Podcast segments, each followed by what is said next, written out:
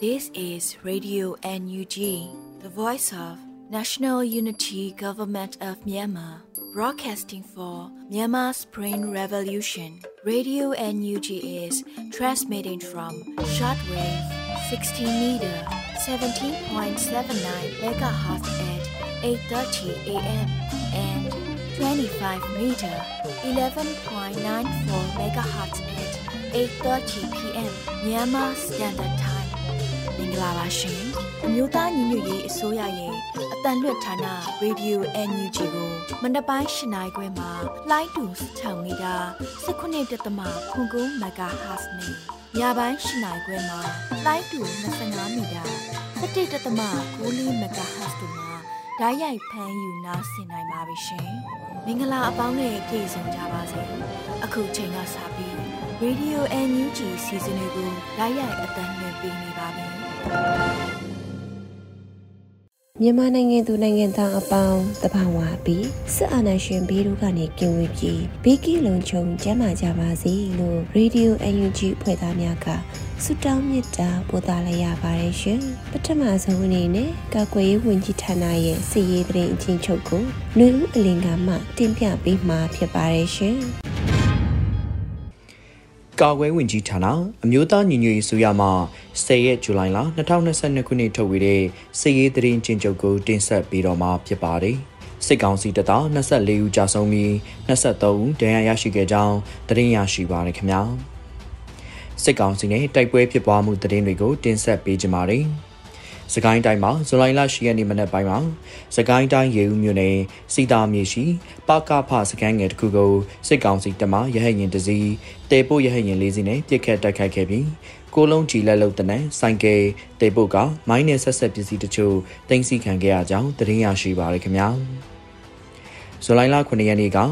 စကိုင်းတိုင်းထိကြိုင်မြို့နယ်နဲ့ကတာမြို့နယ်အဆက်အေဂျင့်လွင်၌ကတာ PDF ရင်းသုံးနဲ့ပကဖများပူပေါင်းပြီးမိုင်းဆွဲတိုက်ခိုက်ခဲ့ရာ စစ်ကောင်စီတပ်သား20ကျော်ထိခိုက်ဒဏ်ရာရရှိခဲ့ပြီးမိမိတို့ပူးပေါင်းဖွဲ့များထိခိုက်မှုမရှိပြန်လည်ဆုတ်ခွာနိုင်ခဲ့ကြောင်းသတင်းရရှိပါရခင်ဗျာ။ဇူလိုင်လ10ရက်နေ့ကစကိုင်းတိုင်းမြင်းမှုမြို့နယ်မြင်းမှုမြို့သို့ဆင်းလာတဲ့စစ်ကောင်စီကကိုစီကိုပြော့ရွာနေနဘဲချူရွာစီရဲ့အနီးမှာပထမအကြိမ်19:40မိနစ်အချိန်တိုင်းမြင်းမှုနဲ့ထီဆောင်ရွာကြား၌ဒုတိယအကြိမ် People Defense Force မြင်းမှု MIMU PDF မှဦးဆောင်၍ Black Eagle Defense Force MIMU Black Hawk Force မြင်းမှု BHFM People Guerrilla Commando MIMU နဲ့မြင်းမှု Civil Revolution Force MIMU တို့ပူးပေါင်း၍ပဒေသာမိုင်းများနဲ့တိုက်ခိုက်ခဲ့ရာစစ်ကောင်စီတပ်သား20ဦးသေဆုံးခဲ့ပြီးကားတစ်စီးပျက်စီးခဲ့ကြောင်းသတင်းရရှိပါရခင်ဗျာဇူလိုင်လ10ရက်နေ့ကသခိုင်းတိုင်းမော်လိုက်မြို့နယ်မော်လိုက်မြို့ရှိဘက် -7 စက္ကန့်အကွာဝဲတောင်းတစ်စက္ကန့်ရှိစစ်ကောင်စီတပ်သားအင်အား40ကျော်ဟာ PDF များထောင်ထားတဲ့တိုက်မိုင်းမိခဲ့တဲ့အတွက်ကြောင့်စစ်ကောင်စီတပ်သား4ဦးသေဆုံးသွားခဲ့ကြောင်းသတင်းရရှိပါရခင်ဗျာ ဇူလိုင်လ9ရက်နေ့ကစကိုင်းတိုင်းတမူးမြို့နယ်တမူးမြို့စစ်ကောင်စီကတဆွဲထားတဲ့တကုံသူတမူး PDF B4 BSO ABSDF ပကဖတမူပူပေါင်းအဖွဲ့မှတိုက်ခိုက်ခဲ့ရာစစ်ကောင်စီများထိခိုက်မှုရှိခဲ့ပြီးပူပေါင်းအဖွဲ့မှထိခိုက်မှုမရှိအောင်မြင်စွာဆုတ်ခွာနိုင်ခဲ့ကစစ်ကောင်စီများဟာတမူမျိုးစော်ဘရက်ကွက်များတဲ့သူ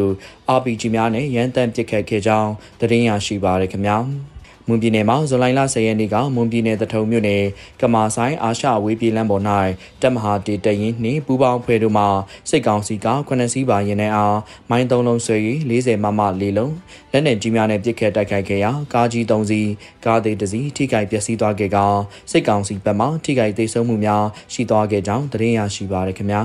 ရှမ်းပြည်နယ်မှာဇူလိုင်လ6ရက်နေ့ကရှမ်းပြည်နယ်ကုတ်ခိုင်မြို့နယ်မုံစီနယ်လောက်ကင်ကြားရှိနမ်တောင်းကျွာနီရှိစစ်ကောင်စီနဲ့ MNDAA TNL ပူးပေါင်းတပ်ဖွဲ့တို့တိုက်ပွဲဖြစ်ပွားခဲ့ပြီးထိခိုက်မှုမသိရှိရသေးကြောင်းနဲ့တိုက်ပွဲဖြစ်ပွားခဲ့ပြီးနောက်စစ်ကောင်စီတပ်များအင်အားဖြည့်တင်လာနေပြီးမုံစည်းမြို့ထဲ၌စစ်ဆေးမှုများတင်းကျပ်လာကြောင်းသတင်းရရှိပါရခင်ဗျာဆက်လက်ပြီးစစ်ကောင်စီကကျူးလွန်တဲ့ရာဇဝမှုတွေကိုတင်ဆက်ပေးကြပါမယ် တနင်္သာရီတိုင်းမှာဇူလိုင်လ9ရက်နေ့ကတနင်္သာရီတိုင်းတရချောင်းမြို့နယ်မှာကြောက်လီကာရွာသို့စော်ပြားရွာ၌တဆွဲထားတဲ့စစ်ကောင်စီတပ်သားများစစ်ကြောင်းဝင်ရောက်လာတဲ့အတွက်ကြောင့်ဒေသခံများထွက်ပြေးတိမ်းရှောင်နေရကစစ်ကောင်စီတပ်သားများဟာအင်အားများပြားနဲ့ဇူလိုင်လအစပိုင်းမှာစပြီးတရချောင်းမြို့နယ်၌စစ်ကြောင်းထိုးခြင်းနဲ့ရိတ်ခါလမ်းကြောင်းဖျက်တောက်ခြင်းများလှုံ့ဆော်လျက်ရှိကြောင်းသတင်းရရှိပါရခင်ဗျာ ဇူလိုင်လ9ရက်နေ့ကတနင်္သာရီတိုင်းတဝဲမြို့နယ်တဝဲပြောတော်ဝါဂိတ်ပေါက်တိုင်းတရားဂိတ်နဲ့ကမျောကင်းတရားဂိတ်များမှာစိတ်ကောင်စီကကုန်တင်ကားများအားပြတ်တန်းသွားလာခွင့်မပြုကြောင်းသတင်းရရှိပါရခင်ဗျာပဲခူးတိုင်းမှာဇူလိုင်လ9ရက်နေ့ကပဲခူးတိုင်းပဲခူးမြို့နယ်ပဲခူးမြို့ဆိုရှယ်လစ်စလီလမ်းမှာပြည်သူတို့ကို၎င်းရဲ့နေ၌စိတ်ကောင်စီများကလာရောက်ဖမ်းဆီးသွားခဲ့ကြောင်းသတင်းရရှိပါရခင်ဗျာ ဇူလိုင်လ9ရက်နေ့ကပဲခူးတိုင်းဒီမြို့နယ်ပဲခူးတိုင်းအနောက်ချမ်းရန်ကုန်ပြည်လန်းပေါ်၌လုံခြုံရေးအကြောင်းပြကဖွင့်လှစ်ထားတဲ့စိတ်ကောင်းစီကိန်းများဟာ မော်တော်ယာဉ်မျိုးစုံထက်မှအာဓမငွေတောင်းခံနေကြောင်းစစ်ဆေးရေးကိန်းများမှာစိတ်ကောင်းစီတပ်သားနဲ့ရဲနှင်းငယ်သာရှိပြီးနေစားငားလာတဲ့ပင်စင်စာစိတ်ကောင်းစီတပ်သားဟောင်းများနဲ့အင်အားဖြည့်ကတောင်းခံနေကြောင်းကိန်းများမှာစိတ်ကောင်းစီတပ်သားနဲ့ရဲမရှိပဲစိတ်ကောင်းစီတပ်သားဟောင်းများရဲ့ဆွေမျိုးသားချင်းများအောင်တရက်လျင်9000ကျပ်ပေး၍စစ်ယူနီဖောင်းဝတ်ခိုင်းပြီးလာသမျှကားထံမှတောင်းခံနေကြောင်းအငားစိတ်ကောင်းစီတပ်သားများဟာတနက်ကင်ထားခြင်းမတွေ့ရှိရပေနေ့စဉ်မြို့ဝင်မြို့ထွက်ငွေတောင်းခံနေခြင်းဖြစ်ပြီးအခြားတိုင်းနယ်ပြည်နယ်ဘက်မှလာတဲ့ကားများဟာပဲခူးတိုင်းနောက်ဘက်ခြမ်းသို့အငားလိုက်ရန်ခဲရင်လာနေကြောင်းနဲ့ငွေတောင်းခံရမှာခီးတဲ့တင်ကားများအပါအဝင်ကားမျိုးစားအကြီးအသေးလိုက်တမျိုးလျင်ကျပ်900မှကျပ်3000အထိမြို့ဝင်ထွက်ကိုပေးဆောင်နေရကြောင်းသတင်းရရှိပါရခင်ဗျာမကွေးတိုင်းမှာဇူလိုင်လ9ရက်နေ့ကမကွေးတိုင်းရေစကြိုမြို့နယ်ကန်တစ်ရွာသို့စစ်ကောင်စီသတင်းပေးကြောင်းရေစကြိုခလာရ258တက်မှာ စစ်ကောင်စီတပ်သားများနဲ့စစ်ကောင်စီတောက်တိုင်ပြူစောထီများကဒေသခံပြည်သူ၁၀ဦးအားဖမ်းဆီးခေါ်ဆောင်သွားခဲ့ကြောင်းသတင်းရရှိပါရခင်ဗျာမန္တလေးတိုင်းမှာဇူလိုင်လ6ရက်နေ့ကမန္တလေးတိုင်းတပိတ်ချင်းမြို့နယ်ဇရဲကွင်းကျွော်အတွင်းမှာနေထိုင်တဲ့ CDM ကျောင်းဆရာမများဖြစ်ကြတဲ့ဒေါ်ချိုယမင်းဟန်အားစစ်ကောင်စီများမှအိုးဘိုတောင်တရားရုံးမှာအကြမ်းဖက်တိုက်ဖျက်ရေးဥပဒေပုံမှာ90ညနဲ့ထောင်ဒဏ်15နှစ်ချမှတ်လိုက်ကြောင်းသိရှိရပြီး၎င်းအားစစ်ကောင်စီများမှ2021ခုနှစ်ဒီဇင်ဘာလ15ရက်နေ့၌၎င်းနေထိုင်တဲ့နေအိမ်မှာဝင်ရောက်ဖမ်းဆီးခဲ့ခြင်းဖြစ်ကြောင်းသတင်းရရှိပါရခင်ဗျာဇူလိုင်လ10ရက်နေ့မွန်းလွဲပိုင်း၌မန္တလေးတိုင်းအောင်မြေတာဆန်မြို့နယ်အိုးဖို့တောင်တွင်တရားရုံး၌ပုံမှန်905ကကြီးနဲ့မဟာအောင်မြေနဲ့ချမ်းမြေတာစီမြို့နယ်တို့မှတန်ဃာတော်၅ပါးနဲ့ဘုံကြီးကျောင်းသား3ဦးတို့အားထောင်ဒဏ်3နှစ်စီချမှတ်လိုက်ကြောင်းသတင်းရရှိပါရခင်ဗျာ ရန်ကုန်တိုင်းမှာဇူလိုင်လ9ရက်နေ့ကရန်ကုန်တိုင်းမြောက်ကလာပါမြို့နယ်အောင်မင်္ဂလာအဝေးပြေးဂိတ်တစ်အပေါက်မှာမှတ်တိုင်အနာမှာအရက်ဝတ်များနဲ့လက်နက်ကိုင်စစ်ကောင်စီအဖွဲ့ဝင်များမှလူလက်ပိုင်း6ဦးကိုဒူးထောက်ခိုင်းပြီးစစ်ဆေးနေကြောင်းသတင်းရရှိပါရခင်ဗျာဇူလိုင်လ9ရက်နေ့ကရန်ကုန်တိုင်းကော်မှုမြို့နယ်ကုန်းရွာမှာပြည်သူ6ဦးအားစစ်ကောင်စီအဖွဲ့ဝင်များကဖမ်းဆီးခဲ့ကြောင်းသတင်းရရှိပါရခင်ဗျာ ဇူလိုင်လ9ရက်နေ့ကရန်ကုန်တိုင်းကော်မှုမြို့နယ်ပြင်ကလေးကျွော်မှာပြည်သူတူအားစစ်ကောင်စီဖွဲ့ဝင်များကဖမ်းဆီးသွားခဲ့ကြောင်းသတင်းရရှိပါရခင်ဗျာ ဇူလိုင်လ9ရက်နေ့ကရန်ကုန်တိုင်းကော်မှုမြို့နယ်ရေတာရှိကျွော်မှာရှိတဲ့ရွှေကော်မှုပရာဟိတစေကံရွှေကော်မှုဆိုဖာဆက်ယုံနဲ့လွတ်တော်ကိုယ်စားလှယ်ရဲ့နေအိမ်ချန်ဝင်းတွင်ရှိရေတန်းဆက်ယုံမှပစ္စည်းများကိုယာအိမ်မှုအောင်ကိုဦးခေါ်ဂါလန်နဲ့စစ်ကောင်စီတပ်သားများကပူးပေါင်း၍တည်ယူသုံးဆွဲနေကြောင်းသိရှိရပါတယ်ခင်ဗျာဇူလိုင်လ10ရက်နေ့ကရန်ကုန်မန္တလေးလမ်းဟောင်းတလျှောက်စစ်ကောင်စီတပ်သားရဲနဲ့ရင်းနှီးရဲများကကုန်တင်ကားများအား ကိုဗစ်ရောဂါအကြောင်းပြ၍ကုန်ကားတစ်စီးလျင်3000ခွဲကျပ်ပေးဆောင်နေရပြီးရန်ကုန်နဲ့ပဲခူးအကြားရှိနေကြားဂိတ်မှာလည်းကုန်တင်မောင်းနှင်သူများကိုကိုဗစ်စစ်ဆေးခြင်းဆိုသည့်အကြောင်းပြချက်နဲ့ရောဂါပိုးစစ်ဆေးခြင်းမရှိဘဲတဦးလျင်1000ကျပ်နှုန်းနဲ့ပြတ်တန်းတိုင်းပေးဆောင်နေရကြောင်းသတင်းရရှိပါရခင်ဗျာ ရခိုင်ပြည်နယ်မှာဇွန်လ10ရက်နေ့ကရခိုင်ပြည်နယ်မြို့နယ်တချို့မှာစစ်ကောင်စီရဲ့ဖမ်းဆီးခြင်းကိုခံခဲ့ရတဲ့အယက်သားပြည်သူများထဲမှာ18ဦးကိုစစ်ကောင်စီမှအမှုဖွင့်တရားစွဲဆိုထားကြောင်းနဲ့စစ်တွေမြို့နယ်မှာ9ဦးပုံနှကျုံးမြို့နယ်မှာ6ဦးကြောက်တော်မြို့နယ်မှာ3ဦးတို့ဖြစ်ကြက၎ င်းတို့ကိုနိုင်ငံတော်စူပူလုံဆောင်မှုဆိုင်ရာပုံမှာ905ကကြီးခြေကျုံနဲ့ခံဝင်ဥပဒေပုံမှာ9တီစာလုံးစလိန်တို့နဲ့အသီးသီးတရားစွဲဆိုထားကြောင်းသတင်းရရှိပါရခင်ဗျာယခုတင်ဆက်သွားတဲ့သတင်းတွေကိုမြေပြင်သတင်းတာဝန်ခံများနဲ့သတင်းဌာနတွေမှာဖော်ပြလာတဲ့အချက်လက်တွေပေါ်အခြေခံပြုစုထားခြင်းဖြစ်ပါတယ်ကျွန်တော်ကတော့ຫນွေဦးလင်ပါ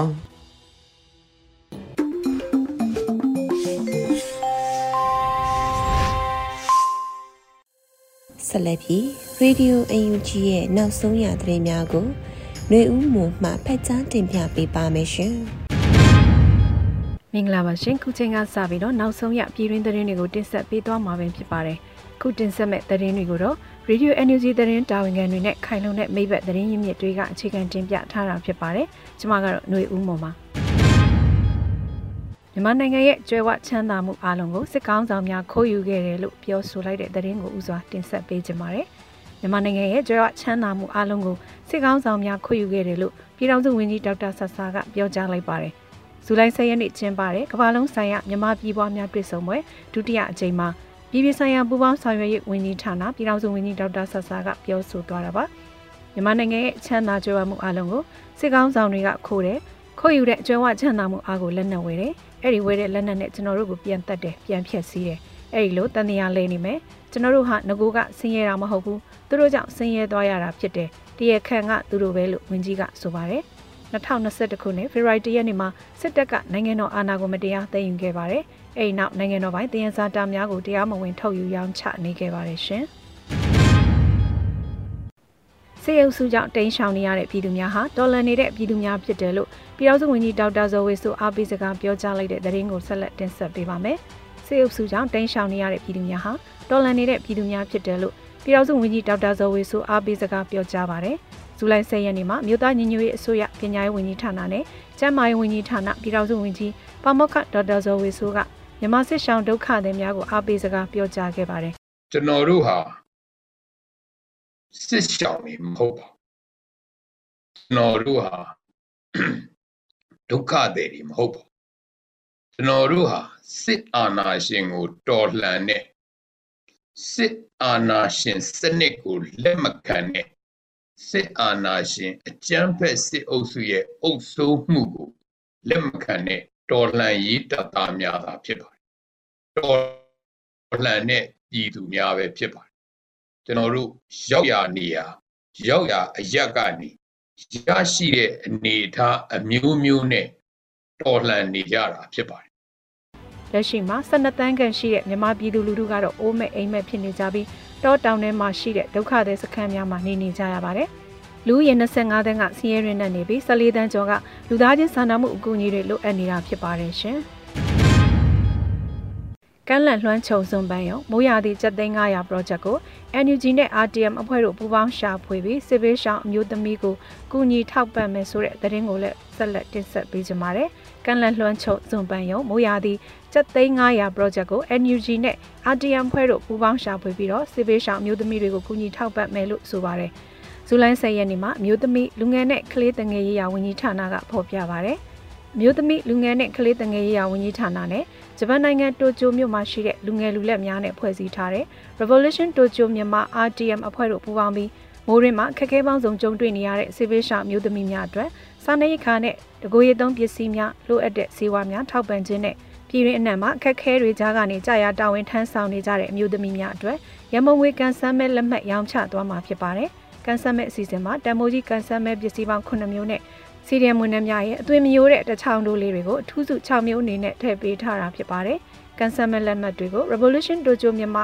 RTM ရဲ့ Messenger မှာလာရောက်စုံစမ်းဝယ်ယူနိုင်ပါတယ်ရှင်။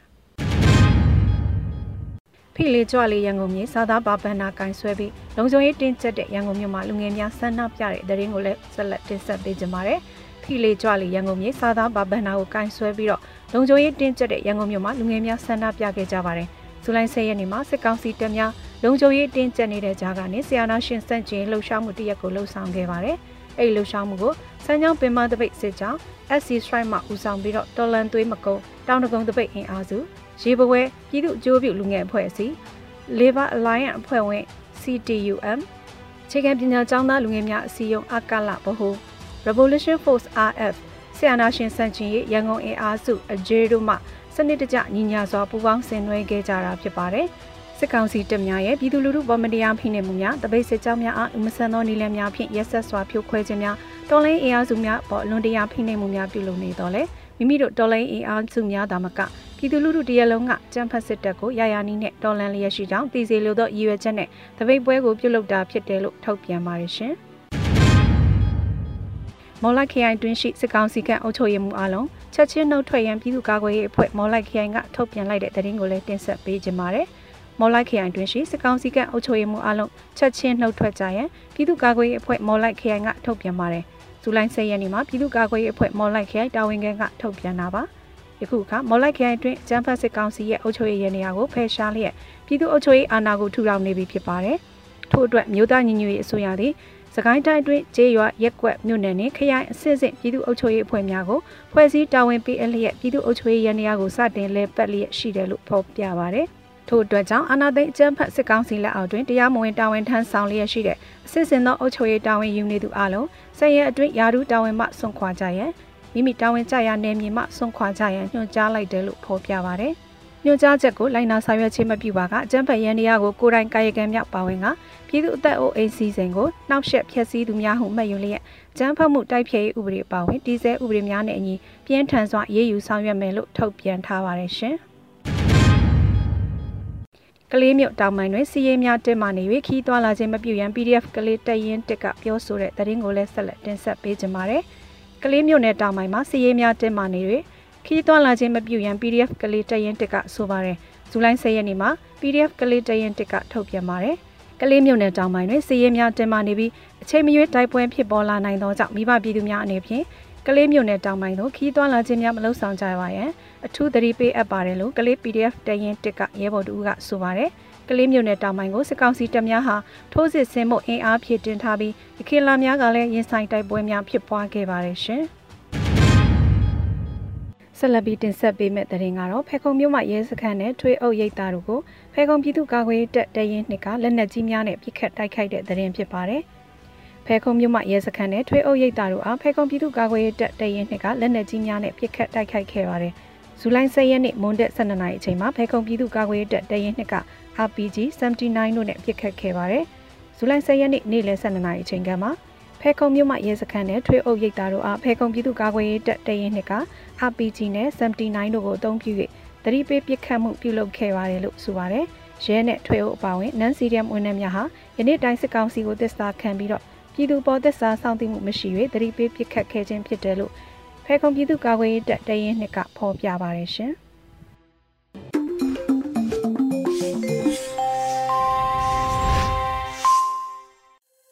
ရေဒီယိုအယူကြီးမှဆက်လက်တမ်းလွှင့်နေပါတယ်။အခုတခါပြည်သူ့ခုခံတော်လှန်စစ်တရေများကို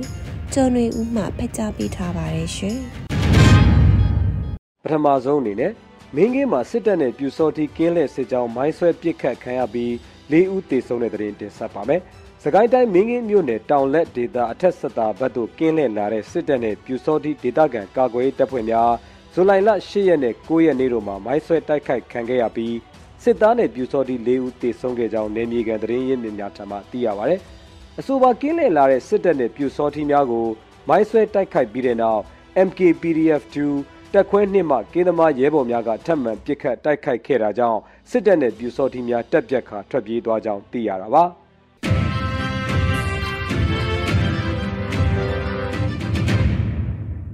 စိတ်ဖြူမှာစစ်တပ်စစ်ကြောင်း၃ချိန်မိုင်းဆွဲခံရမှု15ဦးခန့်တေဆုံးတဲ့တဲ့ဆက်လက်တင်ဆက်ပါမယ်။ဇူလိုင်လ9ရက်နေ့နနက်7:00နာရီမှညနေ6:00နာရီအတွင်းမကွေးတိုင်းစိတ်ဖြူမြို့နယ်ကစုံမကျေးရွာအနောက်ဘက်ကစုံမနဲ့ဖလန်မကြား စောစိတ်ဖြူလမ်းပိုင်းမိုင်းတိုင်းအမှတ်34 35အတွင်း၃ချိန်မိုင်းများဖြင့်တိုက်ခိုက်ခံခဲ့ရတွင်စစ်ကောင်စီဘက်မှ15ဦးသေဆုံးပြီး9ဦးခန့်ဒဏ်ရာရရှိကြောင်း PDF စောရောဒေတာကသတင်းထုတ်ပြန်ပါတယ်စစ်ကောင်စီစစ်ကြောင်းကိုမဟာမိတ်တပ်ပေါင်းစုအဖြစ်စိတ်ဖြူဘာမတီအဖွဲ့6ပကဖအဖွဲ့ PDF စောတက်ရင်တစ်ခွတ်တောင်းတက်ခွဲတို့ကပူးပေါင်းတိုက်ခိုက်ခြင်းဖြစ်ပြီးယနေ့မှာစစ်တပ်ဘက်ကစစ်ကြောင်း၃ကြောင်းခွဲပြီးထိုးစစ်ဆင်လျက်ရှိတာကြောင့် စောစိတ်ဖြူလမ်းပိုင်းကိုမလိုအပ်ဘဲသွာလာခြင်းမပြုဖို့ရန် PDF စောရောဒေတာကသတင်းပေးထုတ်ပြန်တာပါ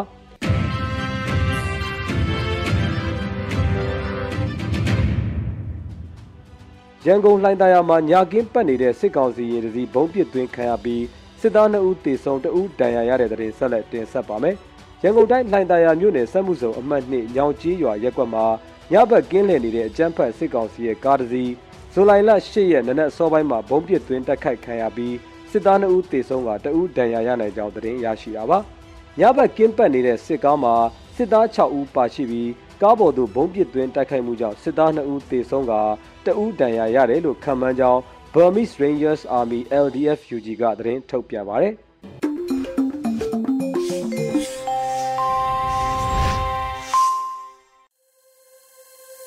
ရေဒီယိုအယူကြည်သောတရှင်များရှင်တခင်အရေးသားတင်ပြထားတဲ့မအားလာတက်ပြက်ကြီးသွေးပြက်နေပြီဆိုတဲ့ဆောင်းပါးကို နားဆင်ကြရမှာဖြစ်ပါတယ်ရှင်မအားလာတက်ပြက်ကြီးသွေးပြက်နေပြီຫນွေဦးတော်လှန်ရေးရဲ့ပြည်သူအောင်ပွဲကြီးနီးကပ်လာတာနဲ့မြအကြက်ဖက်မင်းအောင်လှိုင်ရဲ့တက်ပြက်ကြီးဟာသွေးယူသွေးတဲ့နဲ့ ကြောင်6ချားဖြစ်နေကြပါမဟာလာတက်ပြက်ကြီးသွေးပြက်နေရတဲ့အကြောင်းရင်းများစွာရှိတဲ့အထက်ကလက်လန်းမိတယ်လို့ပြောပြချင်ပါတယ်မကြသေးခင်ကမဟာလာစစ်ကောင်စီဟာအတန်ချက်ဆက်နဲ့လိုက်ပြီး PDF ပြည်သူရဲဘော်များကိုလက်နက်ချအလင်းဝင်ဖို့ကားကိုဒုံမောင်းပြီးမြို့ရွာရက်ွက်တီတွေကိုလှဲ့អော်တာကြည့်ရင် မာလာတက်ပြက်ကြီးဟာသူတို့အခြေအနေမဟန်တော့ပါဘူးဆိုတာလှဲ့អော်တာနဲ့တူးနေပါတယ်ပြည်သူရဲဘော် PDF ဆိုတာလက်နက်ချဖို့မပြောနဲ့လက်နက်မရှိရင်တော့ရရလက်နက်နဲ့ဒင်းတို့ကိုအမြင့်ဖြတ်တော်လှန်နေမဲ့သူတွေဆိုတာသိထားကြပါတနှစ်ကျော်လုံး PDF ပြည်သူရဲဘော်တွေလက်နက်မပြည့်စုံခင်စီရေးလေ့ကျင့်မှုတွေ ပြုလုပ်နေစဉ်အပြတ်ရှင်းမဲ့ဘာညာတာရကာတွေပြောဘယ်တော့မှဆွေးနွေးစရာမရှိပါဘူးဆိုပြီးဟောင်ခဲ့တဲ့မဟာလစစ်ခွေးကြီးဟာမိမိတို့ PDF ပြည်သူရဲဘော်တွေရဲ့တဏီတခြားအင်အားလွန်စွာကြီးမားလာမှုထိုက်တဲ့လက်နက်အင်အားနဲ့နေ့စဉ်စစ်ခွေးတွေကိုခြေမုံတိုက်ခိုက်နေမှုတွေကိုမင်းအောင်လှိုင်ရဲ့တက်ပြက်ကြီးတွေးပြက်လာနေတာအထင်ရှားပါ ဒါအပြင်ယနေ့နီးပညာခစ်ကိုမဟာလာဘလို့မှထိမ့်ချုပ်နိုင်စရာအကြောင်းမရှိတော့တက်တွင်းဖျဲသီးလေးများရဲ့တော်လှန်ရေးမှာပူပေါင်းပါဝင်မှုအတိတရားဝင်လာကြတဲ့ CDM ပြည်သူရဲဘော်များကလည်းတဏီတခြားပုံမှုများပြားလာမှုဟာမဲအောင်လိုက်တက်ပြက်ကြီးဖို့ကြောက်မယ်ဆိုလေကြောက်စရာဖြစ်လာနေပါပြီဒီကြားထဲငင်းချမ်းရေးအကြောင်းပြပြီး တိုင်းပြည်ကိုဝေစားမြစားလုပ်ဖို့ဤရဟိုတွေကိုဖိတ်ခေါ်မယ်လုပ်ပြန်တော့ငကိုကလေးကတရေမမှန်တဲ့အခွင့်အရေးသမားတွေကသာမဟာလစစ်ဖက်နဲ့ပြည့်ရဲ့ကြပြီးတော့ပြည်သူဘက်မှာပြတ်သားစွာရက်တည်နေကြတဲ့အင်အားကြီးဤရဟိုတွေကတော့မဟာလာကိုတောက်ဖက်မလုပ်တဲ့အပြင်မဟာလာစစ်တပ်ကိုအမြင့်ဖြတ်ဖို့ပြည်သူနဲ့တူအားလုံးစုပေါင်းတွန်းလှန်ပေးကြတာဟာမဟာလာတက်ပြက်ကြီး ဖျူဖျဲနဲ့ဘာလို့ရမှန်းမသိဖြစ်နေကြပါပိုဆိုးတာကအခုရပိုင်းအကျန်းဖက်စစ်တပ်ရဲ့ပြန်ကြားရေးကဟောင်နေကြမဲလုံးလေတံပြောင်းလာတာကြည်ပါအာဆီယံဘုံသဘောတူညီချက်လည်းဖြစ်နိုင်ငံတကာရဲ့ဖိအားတစ်ခုလည်းဖြစ်တယ်အမေစုအပါဝင်နိုင်ငံရေးမှာတက်ဆိုင်သူအားလုံးနဲ့ပါဝင်တွေ့ဆုံဆွေးနွေးရေးကိုတလျှောက်လုံးဘလို့မှမဖြစ်နိုင်ဘူးလို့ဖင်ပိတ်ဟောင်လာခဲ့တဲ့မဲလုံးက အခုတော့နိုင်ငံရေးမှာမဖြစ်နိုင်စရာဘာမှမရှိဘူးဆိုပြီးမျက်နှာပြောင်တိုက်ပြတယ်မဟာလာရဲ့ကြေကွဲကန်းနောက်တစ်ခုကကိုယ်နိုင်ငံတဲကပကံမြို့မှာကျင်းပါတယ်မဲခေါင်လန်ချန်းအစည်းအဝေးမှာနိုင်ငံခေါင်းဆောင်ပုံစံပွဲတက်ချေပဲမဲ့သူပထွေးတာကောကြီးကသူ့ကိုအတိမတ်မပြုတော့ပသိမ်မှာကြက်ဘဲခြံတွေပဲရှက်ရမ်းရမ်းပြီးသွားပြနေရတယ် နောက်ဆုံးတော့အကြက်ဖက်မဟာလာမင်းအောင်လိုင်ဟာသူ့တက်ပြက်ကြီးအခြေအနေမဟန်တော့တာသူကိုယ်တိုင်သိနေတော့အားလုံးတွေ့ဆုံရေးကိုအခြေခံမူ၃ချက်နဲ့လမ်းဖွင့်ထားပါတယ်ဘာညာနဲ့အာဆီယံကိုသတင်းစကားပါလိုက်ပြန်မာလာပြောတဲ့အခြေခံမူကဘာများလဲဆိုတော့တစ်အစိုးရကိုမဖျက်ဆီးရန်နှစ်အစိုးရကိုအစားမထိုးရန်သုံး 2008အခြေခံဥပဒေကိုငြိမ်းချမ်းရေးဆွေးနွေးမှုဆိုင်ရာအခြေခံအဖြစ်သတ်မှတ်ရန်တဲ့ဒီသုံးချက်လုံးကိုကြည့်ရင်မင်းအောင်လိုက်ဟာသူ့ကိုယ်သူထိုင်ကုန်ပြောက်မှအရန်ကြောက်နေတဲ့အာနာယူဆိုတာထပ်ပြီးကြေညာပြလိုက်တာပါပဲနောက်တစ်ခါမဟာလာဟာဘာနဲ့တူတယ်လဲဆိုတော့အောက်ကလည်းနေသေးဟိုရင်းကလည်းမလျှော့ကျင်ဘူးဆိုတဲ့ပုံစံဖြစ်နေတယ် ယခုချက်တွေအားလုံးကိုပြန်လဲခြုံငုံသုံးသပ်ကြည့်ຫນွေဦးအောင်ပွဲကြီးအချိန်နီးကပ်လာသည်နှင့်အမျှပြည်သူပဲပြက်ပြက်တာတာရက်တည်တဲ့ ERO တွေစူးစီးလာသည်နှင့်အမျှပြည်သူရဲဘော် PDF များရဲ့လူအင်အားလက်နက်အင်အားပုံမူအားကောင်းလာသည်နှင့်အမျှယနေ့အထိအကြမ်းဖက်စစ်ကောင်စီကိုပြည်သူလူထုကအချိန်ကြာမြင့်စွာ ဆက်လက်တွန်းလှန်နေသည်နှင့်အမျှမအားလာတက်ပြက်ကြီးသွေးပြက်နေပြီဆိုတာပြောချင်ပါတော့တယ်အရေးတော်အောင်နေပါပြီသခင်အန်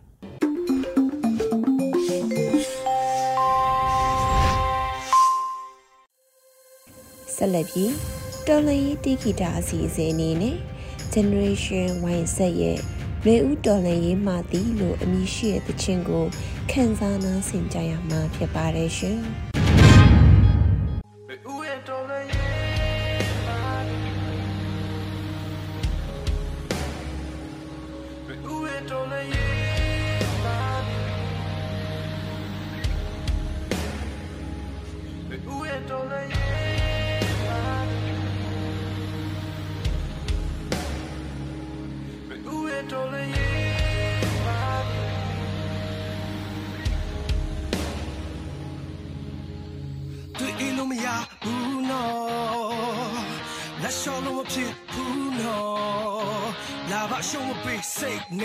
ဒီကနေ့က